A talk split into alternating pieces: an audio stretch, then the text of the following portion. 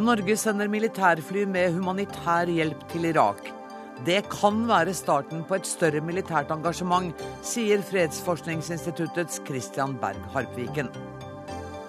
Sommeren ga oss det største prishoppet på matvarer på 32 år. Nå er landbruksministeren irritert og driver detektivarbeid for å finne de skyldige. I dag var dagligvarekjedene innkalt på teppet. KrF dropper kontantstøttekrav og prøver å få med Arbeiderpartiet på skattesamarbeid. Knut Arild Hareide og Jonas Gahr Støre kommer og snakker om likheter og motsetninger.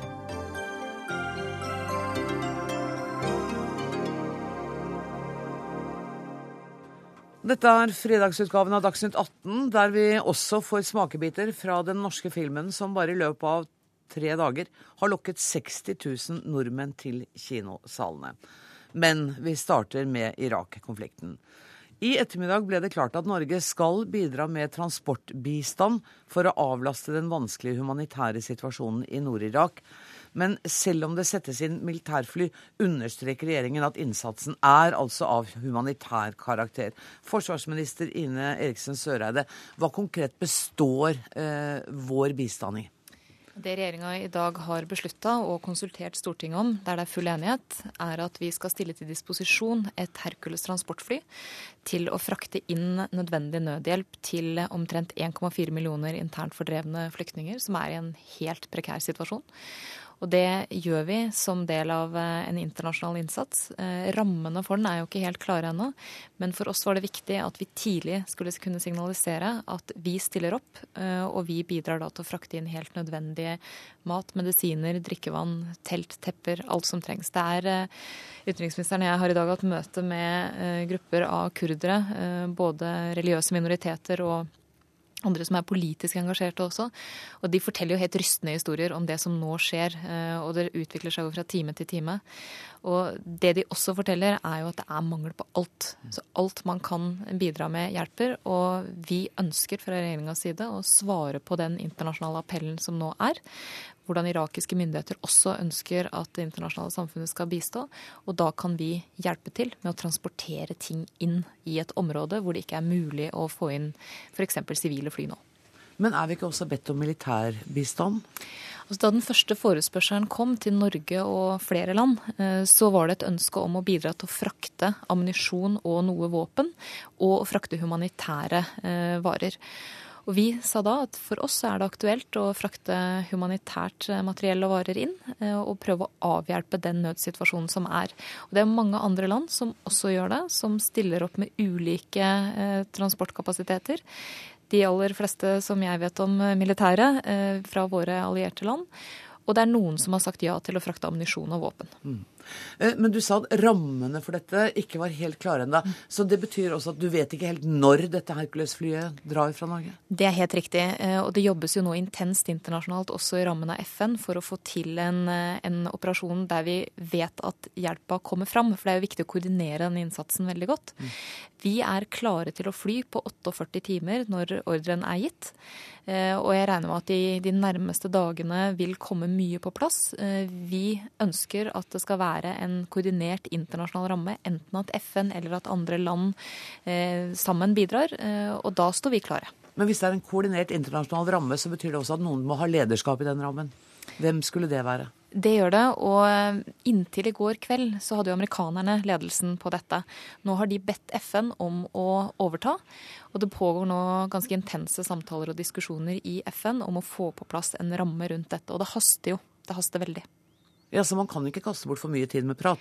Det kan man ikke, og det er derfor det var så viktig for regjeringa å få dette på plass nå. Så vi er klare på kun 48 timers varsel til å sende Hercules-flyet vårt ned for å bidra inn i den eh, situasjonen som nå er. Jeg må bare spørre, hvor, mange, hvor stort mannskap er det som det er snakk om å sende da? Ja, altså mannskapet... Det er avslørt av min manglende kunnskap Nei, på Hercules-flyet. Nei, absolutt ikke, Anne.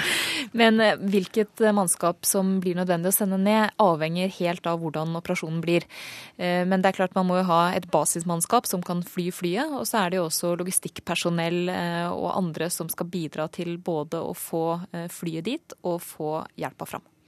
Utenriksminister Børge Brende, det er altså enda ikke avklart hvem som skal ha ledelsen for dette. Det må et internasjonalt rammeverk til. Eh, er det sånn at man bruker for mye tid på diplomati istedenfor å handle nå? Det er viktig at man handler nå. Derfor så tok jo regjeringa en rask beslutning. Eh, vi stiller 110 millioner kroner til disposisjon til humanitær hjelp. Jeg er veldig glad for at eh, det var et samla storting som ga full tilslutning til at vi har en humanitær operasjon. Men pga. den vanskelige tilgangen og pga. at det foregår krigsoperasjoner inne i Irak, så var det nødvendig å be om eh, et militært Hercules-fly. Mm. Så får vi se eh, om eh, behovet fremover. Iallfall så kan dette nå ferdigstilles og ta av på 48 timer. Ja, Det sa forsvarsministeren. Jeg er mer opptatt nå av prosessen fram til man får dette flyet på vingene. Eh, fordi jeg forstår at det er altså ikke helt klart hvem som skal sitte i lederstolen for denne internasjonale operasjonen. Men så langt så har amerikanerne bedt eh, om disse ulike eh, kapasitetene. Ehm, og vi har nå svart at vi kan stille et eh, fly til disposisjon, men i tillegg så kan vi stille opp med betydelig humanitær hjelp pga. bevilgninga på 110 millioner. Så det kan skje med den organisasjonsformen som er i dag. Og så er det dialog mellom amerikanerne og FN nå. Og ingenting er jo bedre enn at dette er en eh, FN-leda og koordinert uh, operasjon. Men det vet vi ikke? Nei, altså det, men, men, det vil ikke forsinke okay. uh, dette, sånn som jeg uh, kan forstå. Uh, amerikanerne har tatt ledelsen her, men skal man få mange land til å bidra, så er det jo riktig at vi bruker FN og FN-charteret. men behovene, som du sier, er jo enorme. Det er 1,5 millioner mennesker som er akutt behov for nødhjelp. Dette har blitt nå en nivå tre-krise når det gjelder det humanitære. FN har eh, slått det fast, på linje med krisa i Syria, på linje med krisa i Sør-Sudan og i Den sentralafrikanske republikk. Og det at man har fire kriser av den type samtidig, det viser hvilke enorme eh, behov og utfordringer vi står overfor globalt nå. Eh, var det en vanskelig beslutning å si nei til militær bistand? Norge har ikke noe tradisjon for å bistå med våpen eh, inn i den type krigskonflikter.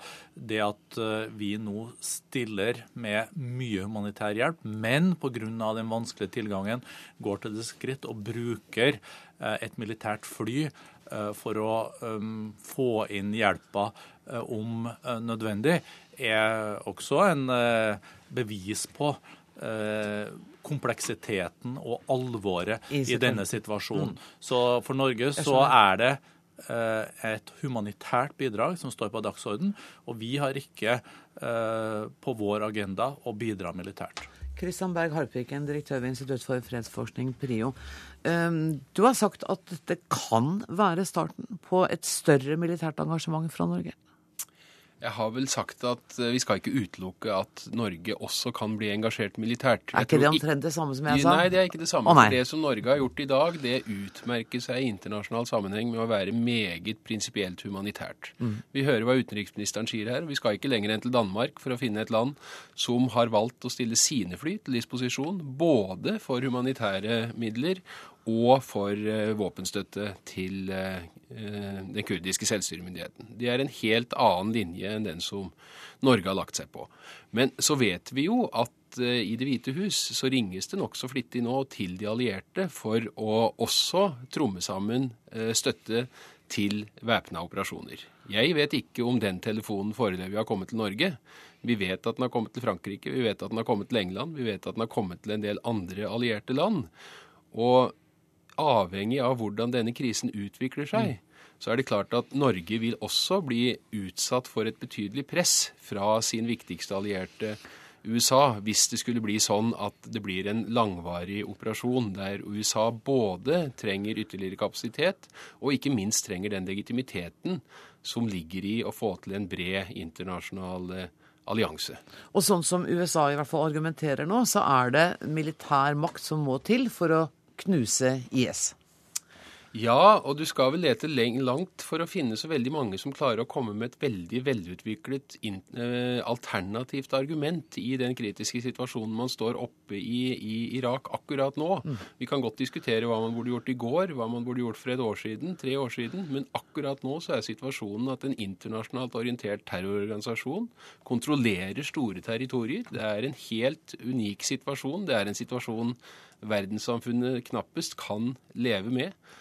Og da er det klart at verktøykassa er rimelig begrenset, og man ser veldig fort etter eh, voldsinstrumentene. Forsvarsminister, jeg går ut fra at dere følger utrolig nøye med på utviklingen her. For det, det kan jo hende i hvert fall at det ikke bare er snakk om eh, humanitær bistand og ett Hercules-fly. Det altså, kan jo bli mer bistand? Altså det vi har stilt til disposisjon nå, er ett fly i inntil tre måneder. Eh, og så må vi ta en ny vurdering av situasjonen eh, når de tre månedene har gått, og se hva slags behov som er der da. Jeg er også veldig glad for at eh, Stortinget i dag har gitt en så enstemmig tilslutning, og at de også har latt regjeringa ha en fleksibilitet på rammen rundt oppdraget. Altså ikke hva som skal fraktes, der er det ikke aktuelt å frakte våpen og ammunisjon, det er humanitært, men det kan jo tenkes ulike rammer. Og det vi nå ser bare fra, nesten fra time til time, er jo at flere og flere land land nå slutter seg til og bidrar. Tyskland sendte i dag fire militære transportfly med 36 tonn nødhjelp. Og Det er altså også et uhyre viktig bidrag, men alt må koordineres. Eh, utenriksminister, det faktum at eh, Maliki har trukket seg eh, etter en viss kamp og nektet for dette, denne nye presidenten, betyr det noe? At Maliki ble avsatt, ja. og med Irans støtte, er svært viktig. Okay. Han har betydel, et betydelig ansvar for det vi i dag ser i Irak. Han har ført en sekterisk politikk, han har ført en splittende, polariserende politikk som har gjort at uh, også de moderate sunniene har han støta fra seg. slik at eh, i de områdene så har det vært lettere for en ekstremistorganisasjon som ISIL å nå frem.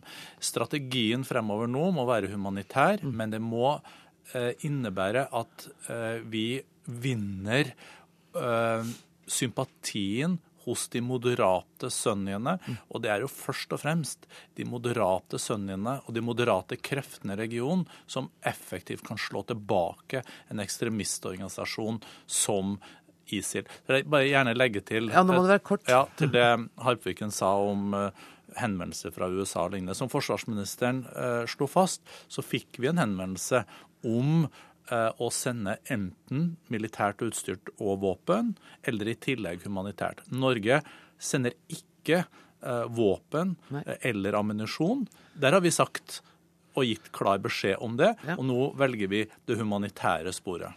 Sigurd Falkenberg Mikkelsen, du er med oss på telefonen fra Nord-Irak. Kan kurderne stå imot IS med den våpenkapasiteten de har nå? De har i hvert fall eh, slitt eh, langs en del eh, frontavsnitt. og Det er mye som tyder på at dette kan bli en langvarig krig. og De har bl.a. Uh, gått tom for ammunisjon under flere slag, som har gjort at de må trekke seg tilbake. Men Vi ser at de holder linjene relativt godt nå, men det er klart at det kan endre seg hvis ikke de da får våpenhjelp, som det ser ut som de, de, får fra forskjellige hold nå. Men først må jeg bare få sagt at dette er en krise som tross alt har vart, en humanitær krise som har vart i over en uke. Jeg har i de siste par-tre dagene truffet uh, utrolig mange desperate mennesker som har kommet seg i trygghet, men som ikke har noe sted å bo. Uh, de bor på byggeplasser, de bor i skogholt, uh, de bor under broer, og det er ingen hjelp å få. mange av de har knapt mat å spise. og dette har som sagt begynt for en uke siden, og de lurer på hvor er det internasjonale samfunnet, hvem er det som kan hjelpe dem? og stort sett så møter de journalister i beste fall. Men nå er det altså Norge har bestemt at vi skal bidra med humanitær hjelp, og et Hercules-fly kan være på vingene i løpet av 48 timer fra det øyeblikk ordren er gitt. Tusen takk skal dere ha. Takk til Sigurd Falkenberg Mikkelsen, Børge Brende, Ine Eriksen Søreide og Kristian Berg Harpviken.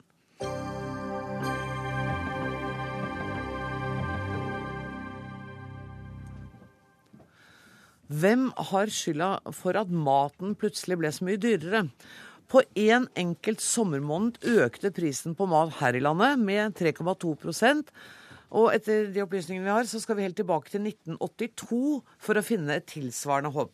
Og nå krever landbruksministeren å få vite hvem som har stukket av med fortjenesten. Ja, litt tabloidformulert da, landbruksminister, men du vil i hvert fall vite hva det er som har skjedd. I dag hadde du møte med dagligvarekjedene.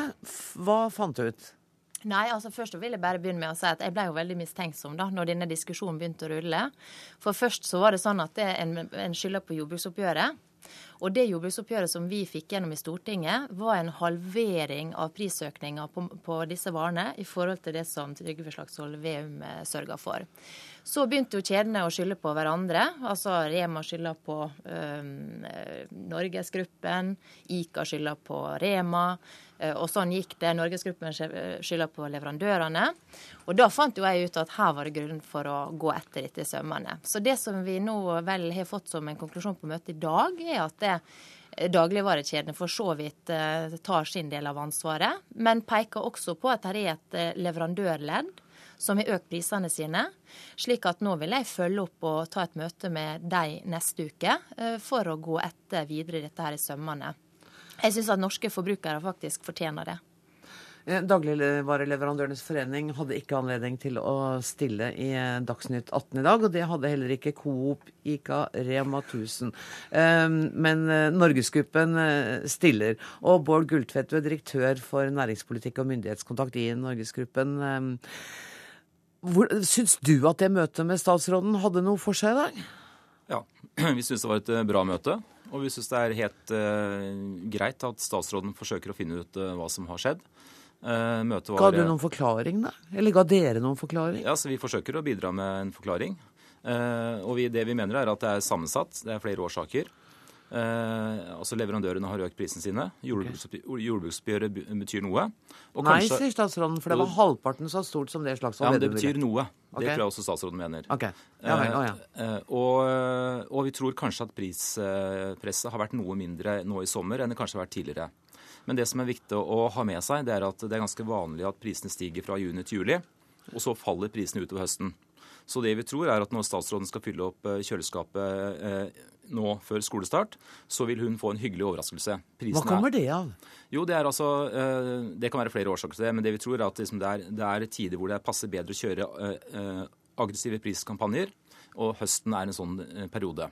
Vi så det i fjor at prisene steg fra juni til juli, og så falt de måned for måned utover høsten. Så når vi, når vi, skal gjøre opp regnskap i januar, så vil vi se at prisene har falt utover høsten men de steg fra juni til juli. Så vi tror at det prishoppet man så nå Men det steg mer nå enn på over 30 år, da? Ja, men vi tror at det er et, det er et øyeblikksbilde. Og vi, tror at, eller vi ser allerede nå at det er sterk eh, priskonkurranse mellom kjedene.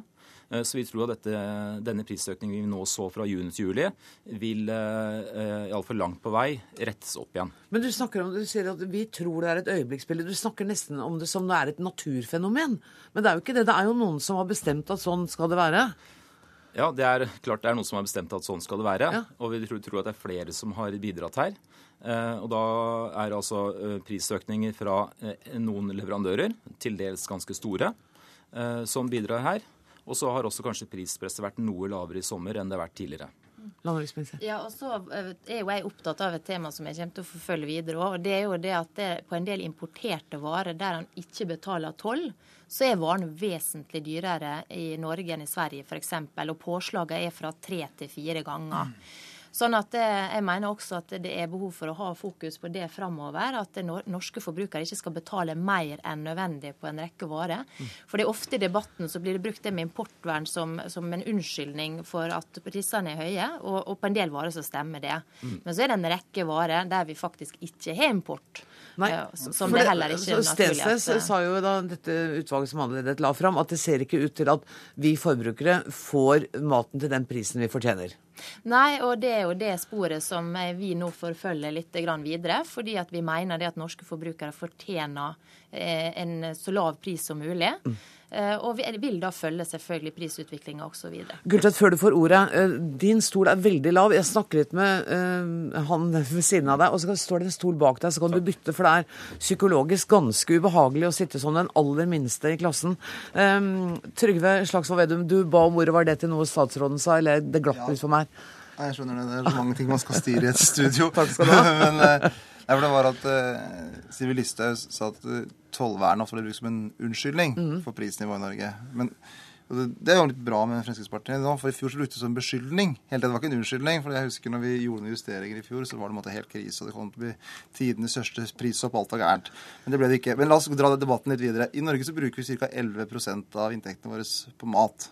Og så kaster vi ca. 25% av det vi kjøper. Så det kunne vært ett grep for å få ned husholdningskostnader, at vi kasta mindre mat. Det er et felles ansvar for å skape holdninger til og så var det det som vi gjorde, som vi håper at Fremskrittspartiet nå, når de er så offensive, følger opp. Det er at Vi ønsker å lovregulere dette området hardere. Mm. Og ha en lov om god handelsskikk. For det vi har i Norge, er jo fire kjeder som har veldig stor makt. Også med Norgesgruppen som den største. Coop, Rema 1000 og Ica. Eh, og de fire innkjøpssjefene der de sitter med veldig stort ansvar både når det gjelder leverandørene, altså de som produserer produktene inn til dagligvaren, men også til forbrukerne, at de skal få lavest, selvfølgelig lavest mulig pris, men samtidig også bredest uh, mulig utvalg. Og Derfor så mente vi at det bør lovreguleres hardere. og vi jeg ga en gavepakke i det liste. Det ligger klart et lovforslag, så da kan vi kanskje bli enige om en sak, og det hadde vært en glede. Vil, eh, vil du være enig med Slagsvold Vedum i det? Et lovforslag som tar for seg muligheten for en strengere regulering? Ja, Vi jobber nå i departementet med å følge opp eh, det arbeidet. Nå hadde jeg veldig mye, som sikkert de fleste så på forparten av året med jordbruksoppgjøret. Bitte lite grann, jeg så det. Nå, nå så er jeg på sporet av å følge opp den, slik at det blir viktig utover høsten. Men så vil jeg bare si det også, da, at når Senterpartiet satt i Landbruks- og matdepartementet i regjeringa, så var hilsen til norske forbrukere at dere økte da matmomsen med 2 prosentpoeng. Det utgjør 2-2,5 milliard kroner. Dobla prisøkninga i forhold til det som denne regjeringa gjør. Sånn at helt uh, uskyldig når det gjelder prisutviklinga på matvarer, det er heller ikke den forrige regjeringa. Men jeg lurer på det er der noe av uenigheten ligger. at du, Slagsvold du er jo ikke så opptatt av at maten skal være billigst mulig. Nei, altså det, det, er sant. For jeg mener at eh, når vi bruker ca. 11 av inntekta vår på mat, så er maten ganske billig. Ja. Eh, så du kjemper ikke som lista? Nei, så vi har jo altså Jeg mener at det er fornuftig å ha et norsk landbruk. Og skal du ha et norsk landbruk, så må jo de som produserer maten, også få betalt for den maten de produserer. Og det er vanskeligere å produsere mat i Norge enn i Danmark. Mm. Uh, og så ønsker ikke jeg et industrilandbruk, og da er det litt dyrere hvis du har uh, mindre enheter enn større enheter. Og der er det en ulik uh, innfallsvinkel. Men så bruker vi nesten minst av alle i hele Europa på mat. Mm. Men så er det likevel et problem hvis noen får altfor mye makt. Og vår analyse var at de fire dagligvarekjedene fikk altfor mye makt i den kjeden. Og at vi derfor trengte å fylle det lovtomme rommet som det var litt der. Og Derfor er jeg glad for nå at Listhaug sier det, for det arbeidet var helt klart. Og hvis regjeringa ønsker å prioritere det, så kan de legge fram det lovforslaget veldig raskt. og det men, håper jeg kommer. Men Bård Gultvedt, hvordan reagerer du på dette lovforslaget? Er du enig i at man trenger en noe sterkere regulering? Vi er uenige i at det trengs en lov. Mm. Altså Det finnes eh, flere lover allerede i dag, så hvis man vil bruke lovverket, så finnes, finnes lovene. Eh, men, eh, og Det vi vil advare særlig mot, er at man skal prøve å gripe inn i den frie prisdannelsen mellom eh, dagligvarekjedene og leverandørene. Da frykter vi at det er forbrukeren som vil bli taperen. Men er prisdannelsen alltid fri? Altså, vi opplever at det er en tilnærmet fri prisdannelse i det norske samfunnet i dag. Eh, det vi frykter, er at man skal prøve å flytte makt fra eh, dagligvareaktørene over mot leverandørene. Da tror vi det er eh, leverandørene som vil tjene penger, og at det er forbrukerne som vil tape. Så hensynet til forbrukerne skal man være veldig varsom for å å gjøre noe med når man eh, eventuelt vedtar en lov. Så en sånn lov vil kunne ramme forbrukerne. Ja. Og det er vel også riktig, Slagsvold Vedum. Blir jo ikke noe billigere mat av en sånn lov? Altså, Analysen vår er helt, den er helt ulik.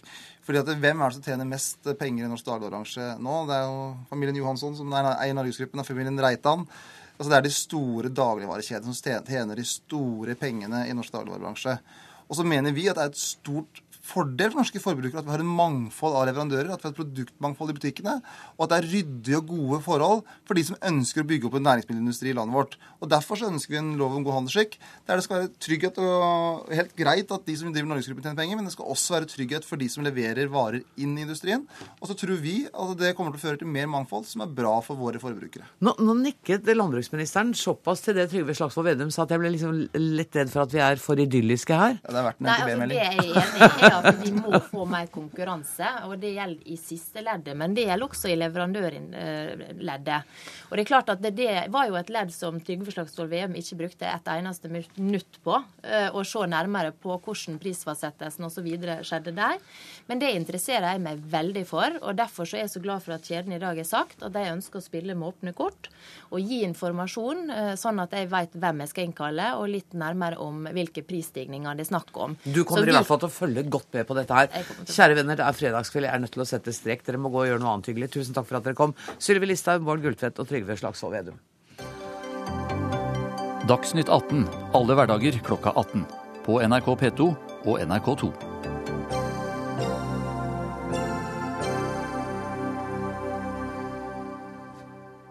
Natos generalsekretær Anders Fogh Rasmussen sier at russiske styrker i natt har krenket den ukrainske grensen.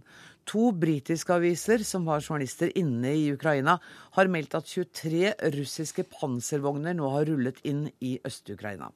Samtidig er en nødhjelpskonvoi stanset på grensa fordi ukrainske myndigheter frykter konvoien kan inneholde våpen og forsyninger. Nå har grensepolitiet krysset grensen til Russland for å inspisere denne konvoien. NUPI-forsker og Russland-ekspert Julie Wilhelmsen. Nå har Norge vedtatt sanksjoner mot Russland, og sier at hensikten er å få Russland til å velge en annen politisk kurs og bidra positivt til en bedring i, av forholdene i Ukraina. Hvorfor tror ikke du at denne boikotten vil virke etter sin hensikt?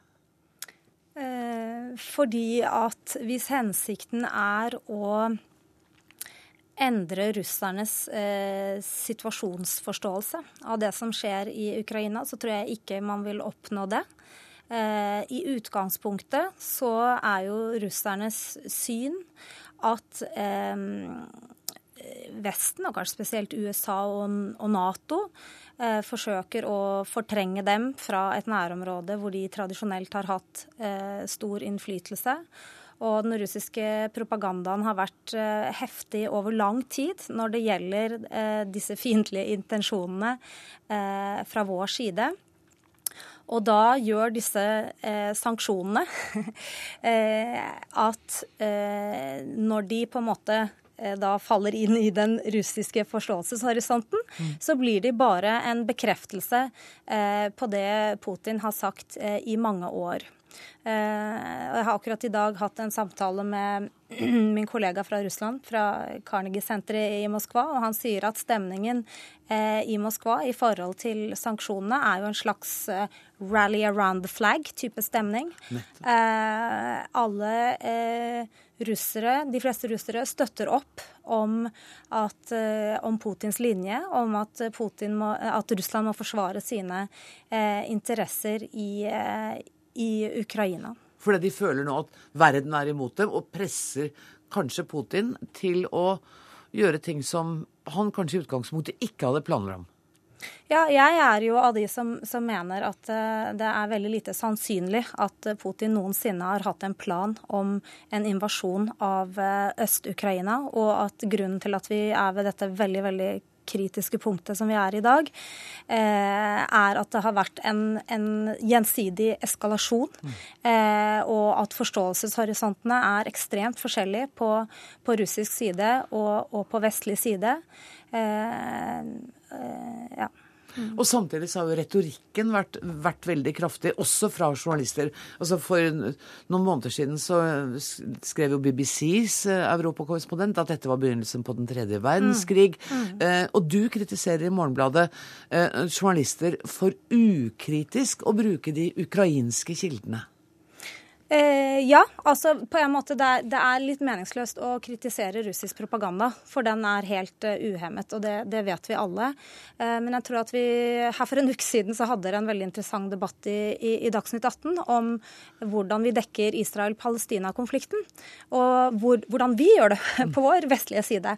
Eh, og jeg syns at den debatten er vel så viktig i den konflikten vi nå har mellom Russland og, og Vesten, fordi vi faktisk selv er en part. og min observasjon vil være at eh, vår dekning av det som skjer i Ukraina, eh, er eh, ganske ubalansert.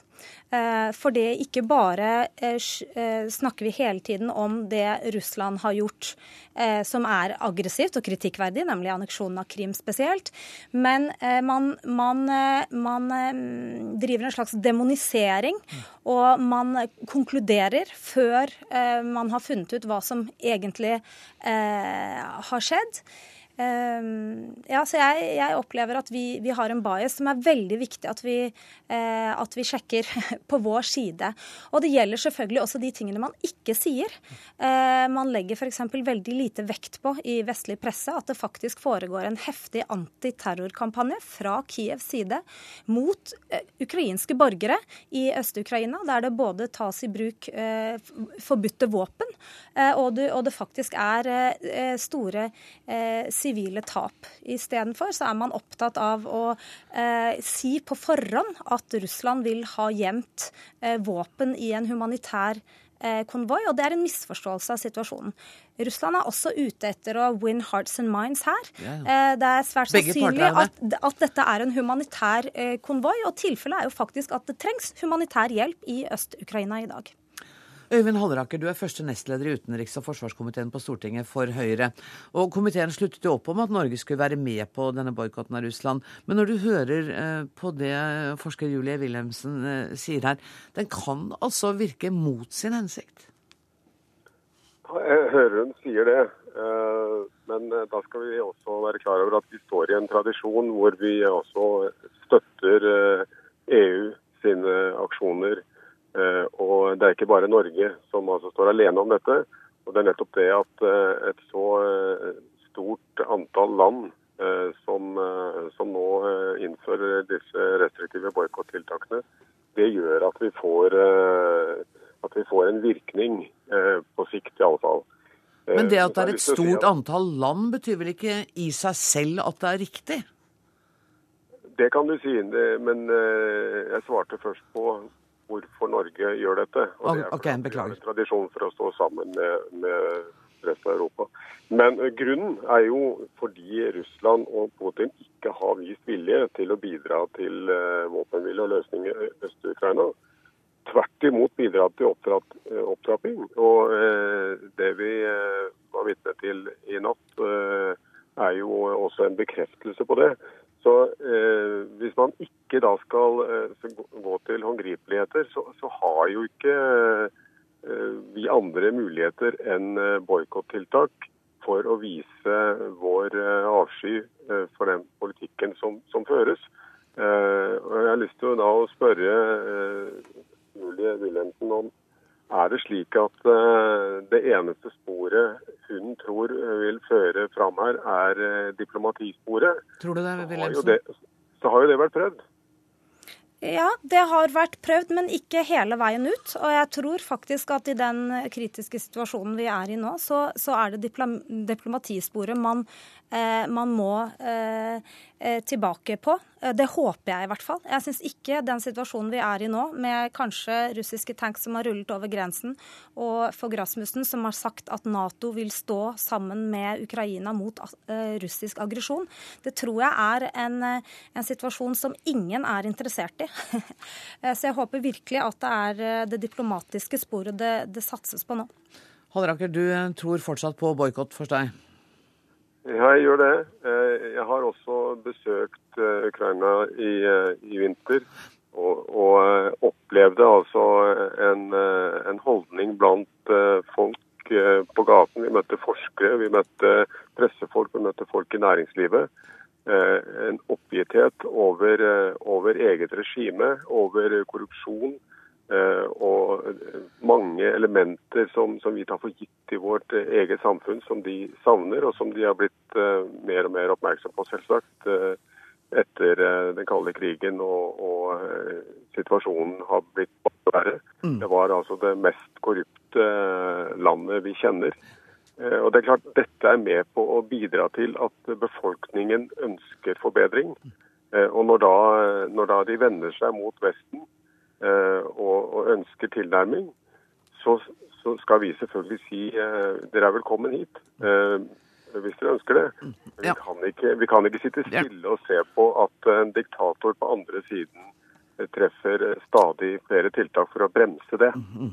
Det her er altså, spørsmål, altså, Vi er nødt til å sette strek, men det Mm. er altså spørsmål om to veier. Enten mer diplomati og en eh, tilnærming med ord, eller en uh, boikott. Og vi får nå bare se eh, hva som kommer til å virke. Tusen takk til Julie Wilhelmsen og til eh, Øyvind Halleraker.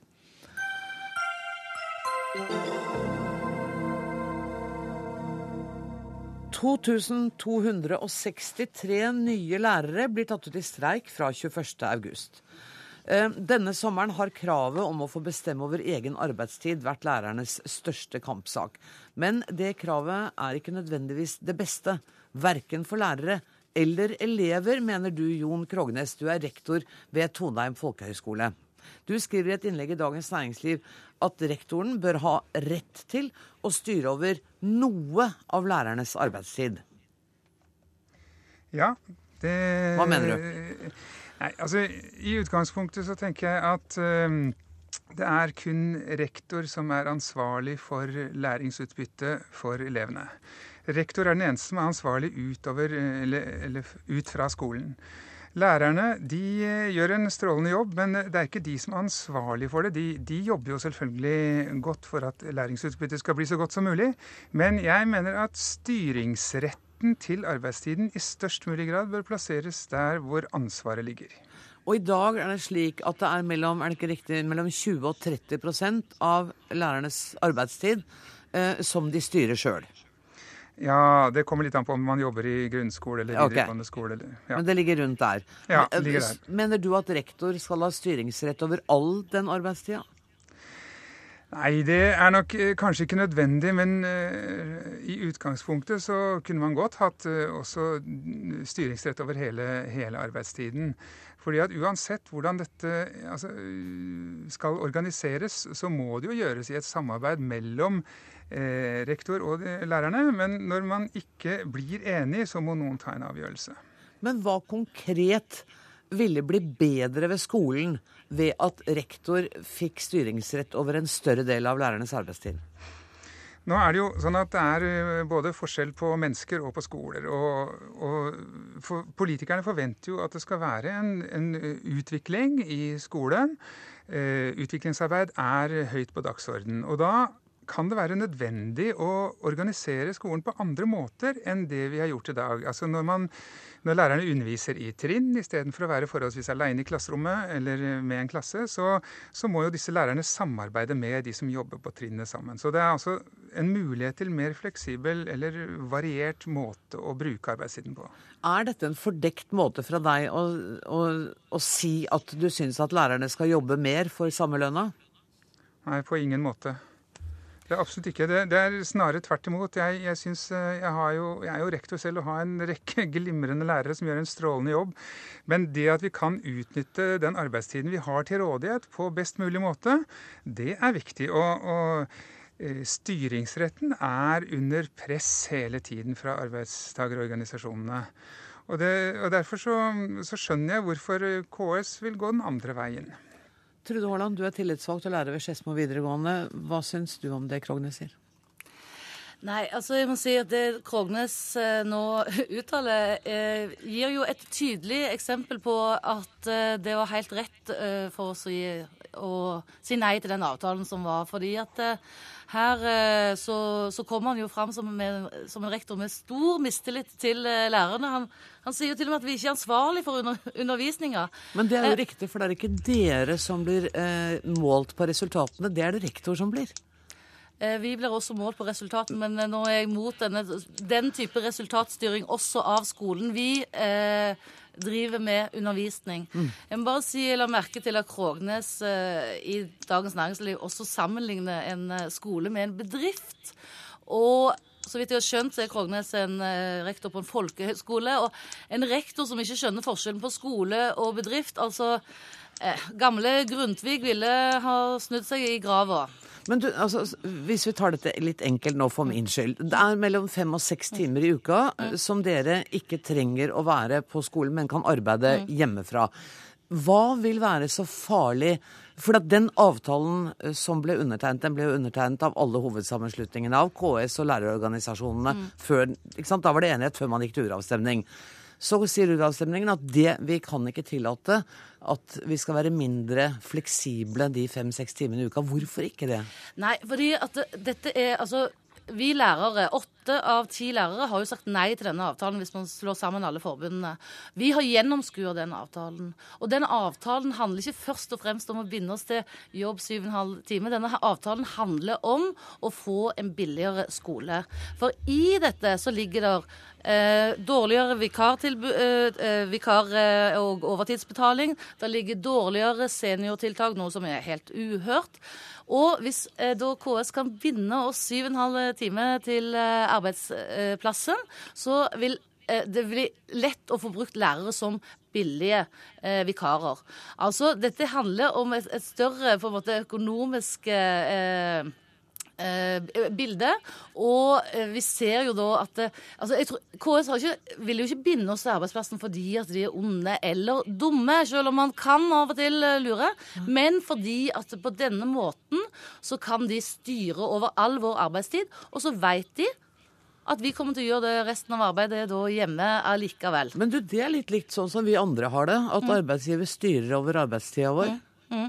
Ja, altså, det, det, er faktisk helt vanlig uh, ja, men, at vi gjør litt ting hjemme. Uh, vi blir jo styrt. Men jeg går jo ut fra Anne Gråsvold at du sitter jo ikke her i dette studioet syv og en halv time dagen. Men det er noen som bestemmer kanskje, hvor jeg skal være ja, er, hele dagen. det er noen som bestemmer hvor du skal være, ja. ja. Ok, Men det er jo i forhold til dine arbeidsoppgaver. Vår eh, egenart i forhold til vårt yrke er at det er noen av de arbeidsoppgavene som må gjøres, og som gjøres best når vi har kapasitet til det, og der det er mulig å få gjort det. Um, Krognes, hører du dette argumentet med at det er en del arbeidsoppgaver som faktisk gjøres best utenfor skolerommet? Ja, og det mener jeg fortsatt at, eh, at det bør være. Og nå er det jo ikke sånn at alle andre arbeidsgivere som eh, har styringsretten, krever at eh, ansatte skal være på skolen eller på jobbplassen eh, syv og en halv time om dagen. Det er jo ofte sånn at man har fleksible arbeidstider, man har hjemmekontor osv. Så sånn. Men allikevel så er styringsretten veldig tydelig plassert. Og jeg, jeg syns jo det er trist at det er så mye snakk om uh, mistillit her. For det er i hvert fall én ting som er helt sikkert, og det er at at uh, lærerne uttrykker en veldig sterk mistillit til rektors styringsrett. Og det, det, er jo synd at man forventer tillit fra KS og mm, har stor mistillit til sine egne ledere. Altså, Jeg har ingen mistillit til min ledelse på min skole. Vi har en ledelse som forstår lærernes arbeidssituasjon. Men ett siste poeng, og det er at skolelederne og rektorene er også i en skvis med stramme kommunebudsjetter, styringskåte lokalpolitikere og byråkrater. sånn at selv om de forstår lærernes arbeidssituasjon, så kommer de i en, i en mellomposisjon der, de, der det stadig vekk føres over byråkratiske oppgaver på lærerne lærerne. Og lærere er ikke byråkrater, men lærere. Tusen takk for at dere var med i Dagsnytt 18, Jon Krognes og Trude Haaland. Hør Dagsnytt 18 når du vil. Radio NRK.no. Hva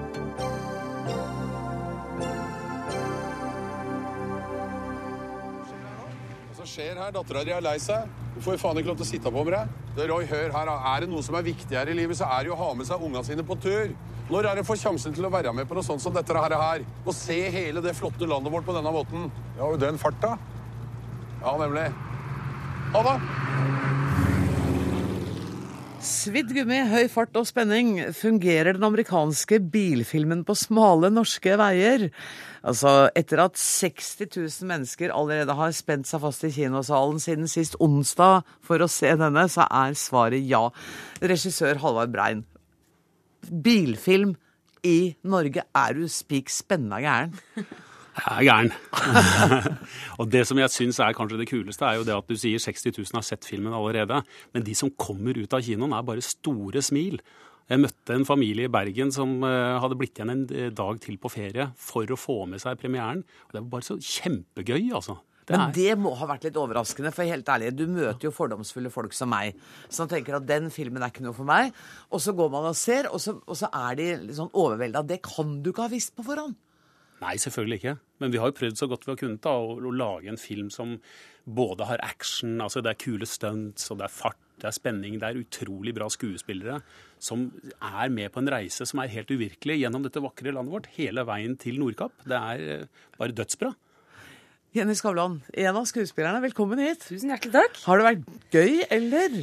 Det har vært helt fantastisk gøy. Eh, og det er som eh, du sier òg, den er jo på en måte blitt solgt inn som et race. Eh, og så tenker kanskje sånn som deg at Ja. men jeg er jo ikke er interessert i biler. Ja, ja, ja, det er vi alle.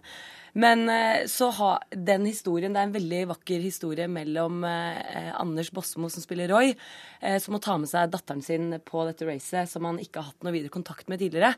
Som spilles av Ida Husøy, som er en helt fantastisk eh, ung jente. Og denne historien kommer som en overraskelse på veldig mange. Eh, og måten du får sett norsk natur og vi benket oss jo ned og så Hurtigruta minutt Ja. for minutt for minutt for minutt. Det var så mange minutter. Men her er det liksom veldig, selvfølgelig veldig kompliment. Dette er Hurtigruta i 250 km i timen. Og solnedganger eh, og raske amerikanske biler som fiser over Saltfjellet. Og det er noen bilder som er så fantastisk vakre at jeg tror mange fikk et litt sånn estetisk sjokk. Bare sånn og så får du Marit Boine, det er mitt favorittbilde, hvor du ser liksom Nordkapplatået. Knall gul bil, og så kommer det joik. Og det er veldig sånn vakre, fine bilder som jeg tror mange kan eh, sette pris på. Men du, helt ærlig, har du kjørt litt fort sjøl òg? Jeg har kjørt litt fort eh, selv, ja. Ja. Eh, dette har jo vært en innspilling med, med sikkerheten i høysetet. Ja. Eh, og de kuleste stuntsene eh, kan jeg dessverre ikke si jeg har gjort, selv så mye jeg kunne ønske. Eh, det har vi jo hatt med veldig proffe, flinke stuntsjåfører som har gjort.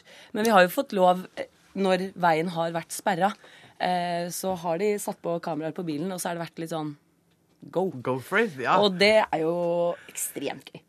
Det må jeg si. Men altså, Halvard, var det lett å få lov å lage en sånn film, eller trodde folk litt sånn som meg at du er litt sprutegal når du kom inn i det? Ja, Det er jo det som er det herlige, vet du. Å ta på seg en sånn utfordring og oppleve det at eh, det er mange som ikke har lyst til å lage det, som kanskje tilhører en slags eh, kulturbransje. Ja. Men eh, når du kjenner da på trøkket og engasjementet som ligger i bilmiljøet, og også i og for seg i filmmiljøet, til å lage denne filmen, så er det jo helt utrolig. Altså, det har vært det har vært en helt ubeskrivelig reise. Det har vært motstand, motstand, men samtidig så har det bare blitt mer og mer og mer trøkk rundt prosjektet. Og det har bare blitt moro.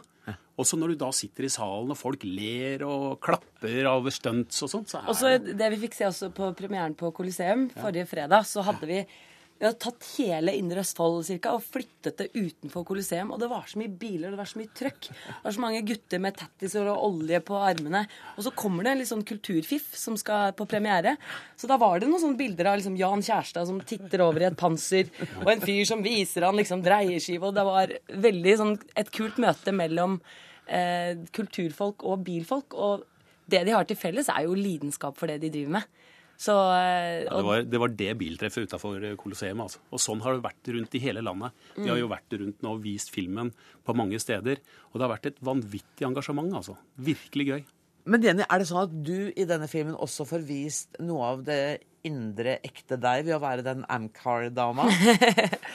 Jeg har en teori om at eh, hvis jeg hadde vokst opp et par mil i en annen retning enn eh, Oslo vest, så hadde jeg nok vært ganske sentral i rånmiljøet. Eh, jeg merker at det, det vekker et eller annet et eller annet både litt skummelt og ganske moro når man sitter bak rattet på en bil. Og jeg merker sånn privat når jeg sitter i bilen, det er jo da jeg er den verste versjonen av meg selv.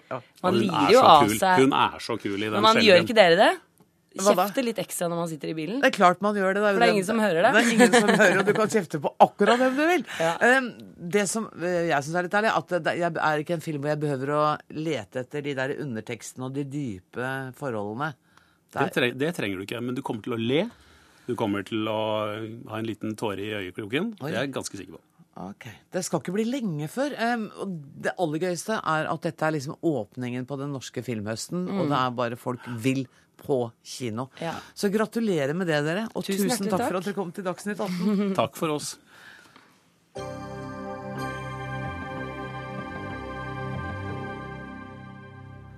Og så til eh, politikk igjen.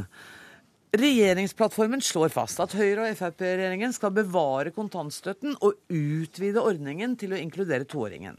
Nå sier partileder Knut Arild Hareide at han er villig til å fravike kravet til fordel for to barnehageopptak i året. Og i partilederdebatten på NRK i går så skvatt i hvert fall jeg litt da du kastet ut et agn om skattepolitisk samarbeid med Arbeiderpartiet. Knut Arild Hareide, hva er det som skjer med deg? jeg prøver å tenke klokt og fornuftig. Jeg syns begge de sakene der eh, er nettopp det. La oss få ta saken eh, hver for seg. Eh, kontantstøtte. Det har vært viktig for oss å få kontantstøtte, for det er med på å gi valgfrihet for barnefamiliene. Men det er et stort problem i dag at eh, blant de barna som er ett år, så er det bare ett barneopptak. Det vil si at det er mange da eh, som da kanskje føder et barn i oktober, og som må vente til barnet er nesten to år før de får en barnehageplass. Da er det ikke en reell valgfrihet. Og da sier jeg at jeg mener faktisk vi bør prioritere å gi en reell valgfrihet for ettåringene før vi tar kontantstøtte for toåringer. Eh, så det er for å vise at eh, det er valgfriheten som er det viktige for, for KrF. Og samtidig som det er erkjennelsen av at i høstens budsjett så er det ikke rom for å gjøre begge deler. Det stemmer. Og jeg tenker òg på familieområdet, som er utrolig viktig for KrF. Så ja, kontantstøtten har vært viktig for oss, men, men det der å sikre barnehageopptak er enda viktigere. Fordi at det skal være med å sikre en valgfrihet. Og jeg vil òg si vi skal nevne en annen sak. Engangsstønad vil jeg òg prioritere foran kontantstøtte. Fordi at det er en sånn urettferdighet at de da som er student og får barn, får bare 40 000. Mens er du i jobb, så kan du få opp mot 500 000. Det er bare en så stor urettferdighet at det brenner enda mer i mitt hjerte å gjøre noe med det. Jonas Gahr Støre, du kan jo ikke ha vært misfornøyd med dette utsagnet fra Knut Arild Hareide? Altså For det første vil jeg gi ros til en politiker som går inn i dette med, hva, med spørsmålet hva er best for barnefamiliene. Og jeg syns at dette er en type høyttenkning og prøving ut av ideer som eh, står norsk politikk veldig godt. Eh, og Sånn som jeg også eh, erfarer Knut Arild Hareide ofte. Og dette er en tenkning som iallfall jeg vil nikke til. Fordi at dette med dette andre barnehageopptaket, det vet vi, og vi hører det fra familier rundt om i Norge, er et problem. Og da å si at vi tar det viktigste først og går på det, det syns jeg er riktig. Og det er langt på, måten, på vei måten vi tenker på. Så vi, vi vil synes at det er en, go, en, mye bedre bruk av pengene enn å gå på eh, utvidelse av kontantstøtten. Men når det gjelder fjerningen av selskapsskatt Jeg bare hopper litt, jeg. Eh, som Knut Arild Hareide foreslo i går. Der var du ikke så tydelig i ditt ja. Du sa at det vil dere være med å vurdere. Nei, altså For det første så er det jo slik at om skatt så har jo Kristelig Folkeparti og Arbeiderpartiet en lang historie om å tenke veldig likt. Og det går jo på hovedsaken, nemlig om at vi mener at skatt er en inntekt i fellesskap for å løse viktige fellesskapsoppgaver. Det var Arbeiderparti-ledet regjering som i fjor satte ned selskapsskatten og satte ned et utvalg for å se ytterligere på det spørsmålet, fordi det er en utfordring fordi andre land setter ned den skatten. Eh, så har den kommende nye regjeringen fortsatt det utvalget. Eh, med utvidet mandat, for med, nå skal utvalget også se på skattelettelser. Jo, for det, det vi gjorde, var å si det at se på om vi kan gjøre endringer i skattesystemet, slik at vi kan se på selskapsskatten, men da sikre inntektene til fellesskapet. Eh, og det jeg opplever at Knut Arild Hareide sier, er at når denne rapporten fra det såkalte Scheel-utvalget kommer, så er spørsmålet bør vi da sammen se på et forlik om struktur i skattesystemet. Og det sier jeg at det er jeg åpen for å snakke om. Satser og innretning det blir det politisk diskusjon om, men vi har jo tradisjon på 90-tallet og 2000-tallet for å samle oss om slike forlik.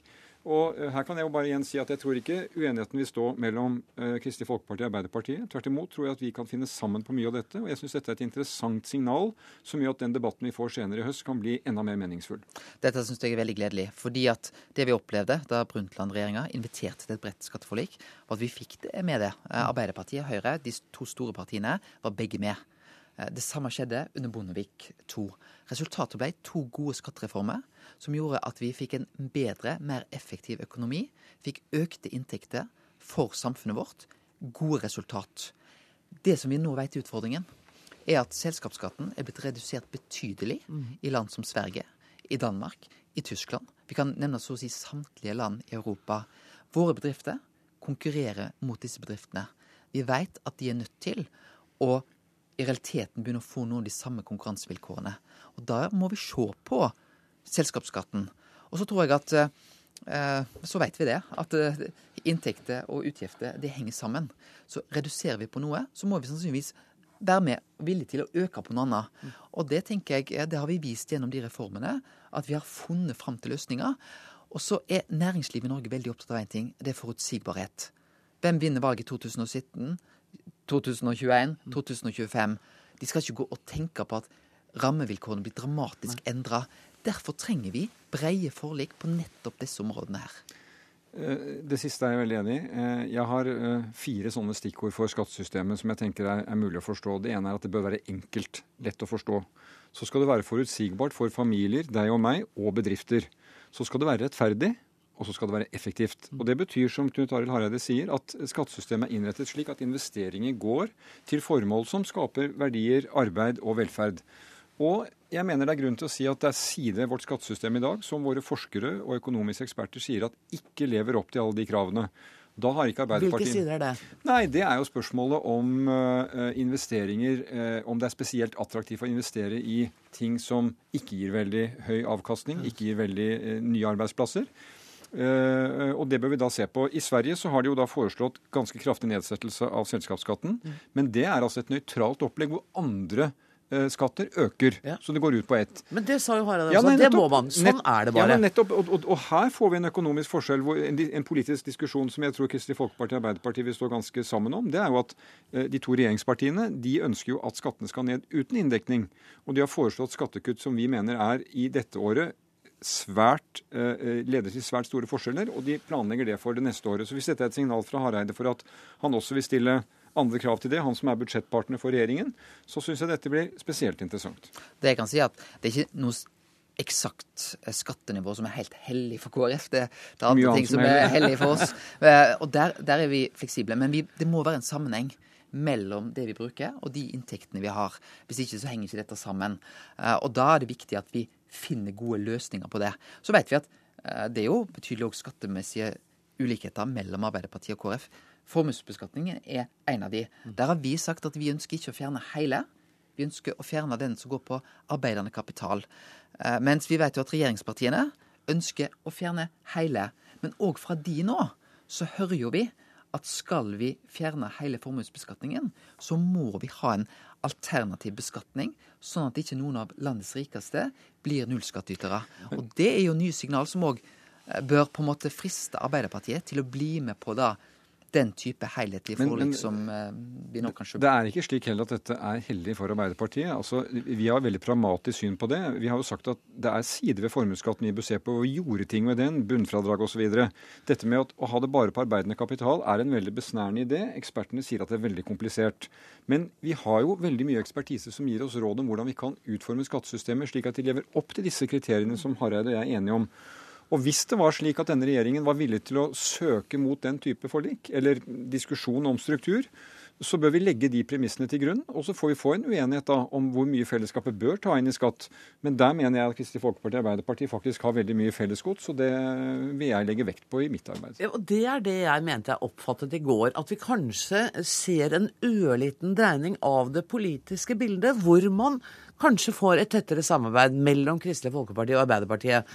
Og dere har jo gått i fella, for dere kom jo hit, og så har dere bekrefta det, begge to. Jo, eh, altså, eh, jeg, for å si det sånn, jeg mener jo at eh, Kristelig Folkeparti på viktige områder av politikken og Arbeiderpartiet står veldig nære hverandre i substansen i politikken. Så har jeg full respekt for at Kristelig Folkeparti har tatt et valg i denne perioden. Eh, de ønsket å skifte regjering, og de er støtteparti for den nåværende regjeringen. Men jeg syns Hareide har vært tydelig på å si at de har en samarbeidsavtale. Men det gir også et rom for at Kristelig Folkeparti er et uh, frittenkende parti med en veldig frittenkende uh, partileder. og Det syns jeg er en, en, en, god sak. Og de to sakene du har trukket frem i dag, Anne Grosvold, de er jo eksempler på det. Uh, vi er nødt til å slutte. Men altså, du sitter jo bare og nikker, så det er ikke så farlig om jeg ikke gir deg ordet nå. For vi er nødt til å avrunde, så vi blir tatt av lufta om 20 sekunder. jeg skal bare si hjertelig takk til Knut Arild Hareide og til Jonas Gahr Støre, som brukte denne fredagen her hos oss. Ansvarlig for Dagsnytt 18 i dag har vært Ida Tune Ørritsland. det tekniske ansvaret er det Karl Johan Rimstad som har. Jeg heter Anne Grosvold og ønsker dere en god helg.